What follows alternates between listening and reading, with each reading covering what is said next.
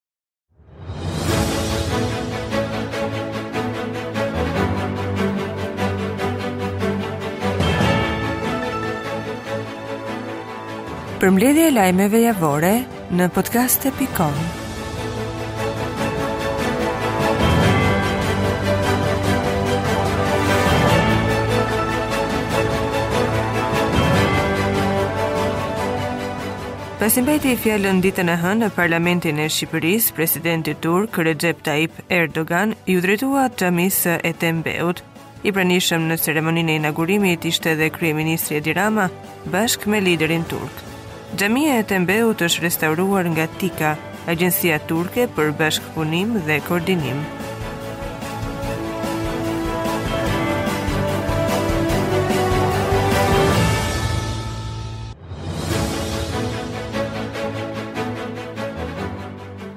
Kryeministri Edi Rama ka refuzuar ultimatumin e presidentit turk për të dëbuar gylenistët nga Shqipëria.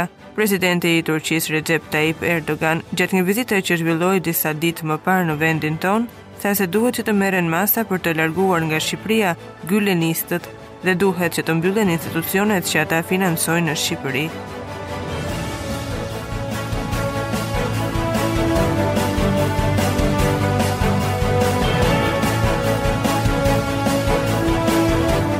Ndërkohë në një prononcim për mediat kryeministri Edi Rama i ka kthyer përgjigje ultimatumit të presidentit turk Recep Tayyip Erdogan që dha gjatë vizitës së tij në vendin tonë.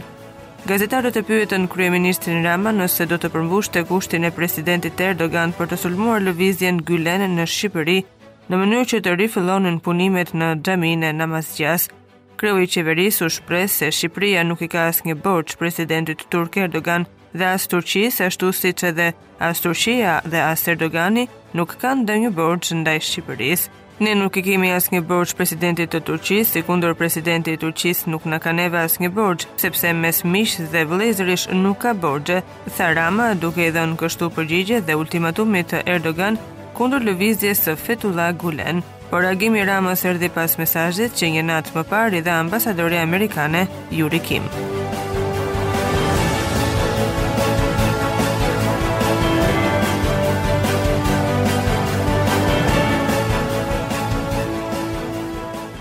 Një i ri shqiptar është arratisur nga rajoni i policisë së Akropolit. 18 vjeçari ishte arrestuar nën akuzën për vjedhje.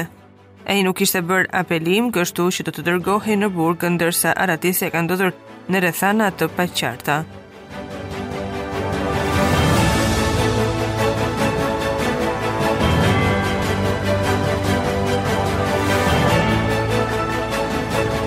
Ministrja e jashtme Olta Xhaçka në mbledhjen e këshillit të sigurimit të OKB-së ka mbajtur fjalën e saj duke adresuar çështjet më të rëndësishme. Gjatë fjalës së saj, Xhaçka u shpreh se gratë, paqja dhe siguria janë prioriteti kryesor i axhendës së Shqipërisë për dy vitet e ardhshme.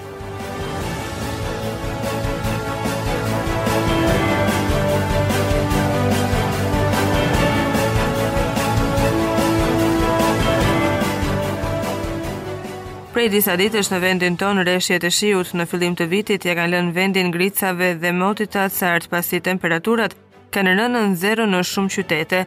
Po kështu duket se këto temperatura dhe ky mot i acartë do vijojë edhe gjatë kësaj jave e sipas sinoptikanes Lajda Porja, e premtja do të shënojë dhe mbërritjen e këtij të ftohti polar me reshje dëbore dhe temperatura ekstreme. Gjatë një emisioni televiziv, Porja tha se kulmi i këtij të ftohti do të jetë të dielën në zonat në kufi me Malin e Zi, të cilat do të arrijnë deri minus 14 gradë Celsius.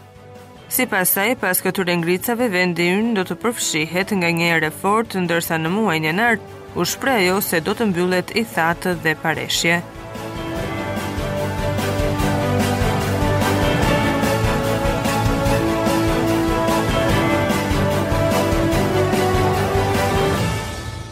Ka vijuar me tone të ashpra protesta në rrugën 5 Maj në kryeqytet ku banorët janë përleshur me policinë, gjithashtu nuk kanë munguar as fyerjet drejt qeverisë dhe kryetarit të bashkisë së qytetit.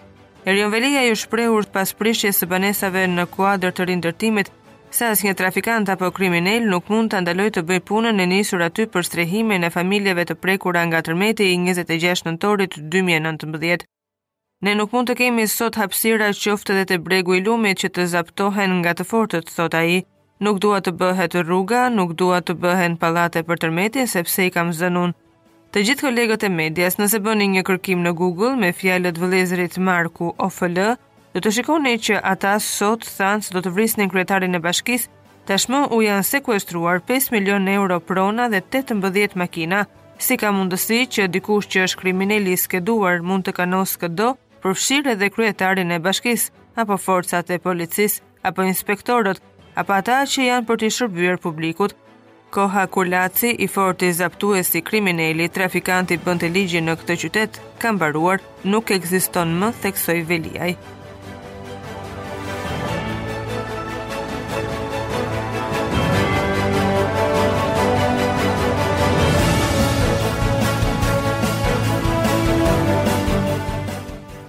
Virozat e stinës kanë sjellë një fluks pacientësh në qendrat shëndetësore. Në qendrat shëndetësore në Tiranë dhe jo vetëm, fluksi është rritur menjëherë pas periudhës së festave. Duke qenë se në vend po qarkullon njëkohësisht edhe varianti i ri i Covid dhe virozat e stinës, mjeku thotë se qytetarët paraqiten menjëherë për t'u vizituar pasi tremben duke qenë se simptomat janë të ngjashme Ndërsa mjekët theksojnë se është vënë re një rritje e rasteve pozitive me Covid tek fëmijët nga mosha 5 deri në 14 vjeç.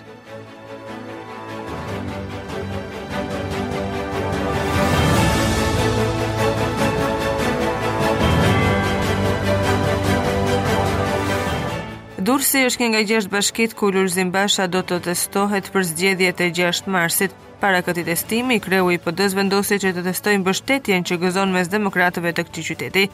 Testimi të paktën sipas postimeve në rrjetet sociale të mbështetësve të Berishës dështoi Hodhe gaz kundër nesh, turp i shitur, njeri i Ramës, Basha ik, Rama ik, ishin thirrjet me pankarta në duar të një grupi qytetarësh.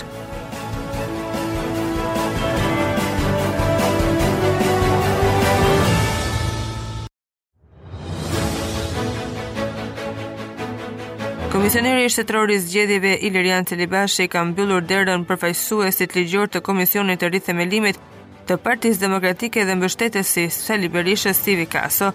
Ilirian Celibashi në mbledhjen e ditës së shtunë ka deklaruar se në marrëdhënien institucionale KQZ njeh PD-n dhe përfaqësuesit ligjor të Lulzim Bashës në procesin e përgatitjes për zgjedhjet e pjesshme vendore të gjashtë marsit në gjashtë bashki të vendit.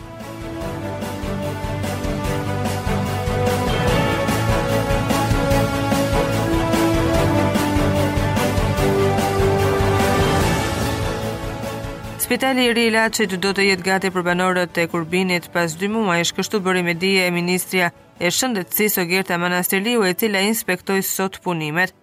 Ajo u shpreh se ky spital është modeli i spitaleve që duhet të ndërtohen në të gjithë bashkitë, teksa theksoi se ka kapacitete të bollshme. Spitali do të përfshijë poliklinikën, urgjencën, si dhe do të ketë tre pavione.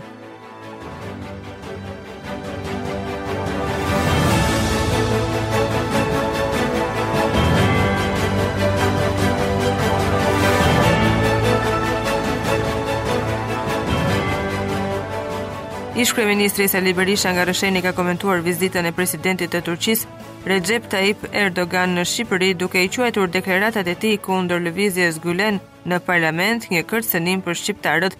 Berisha u ndal edhe tek deklarata e Erdogan për vëllazërinë mes shqiptarëve dhe turqve,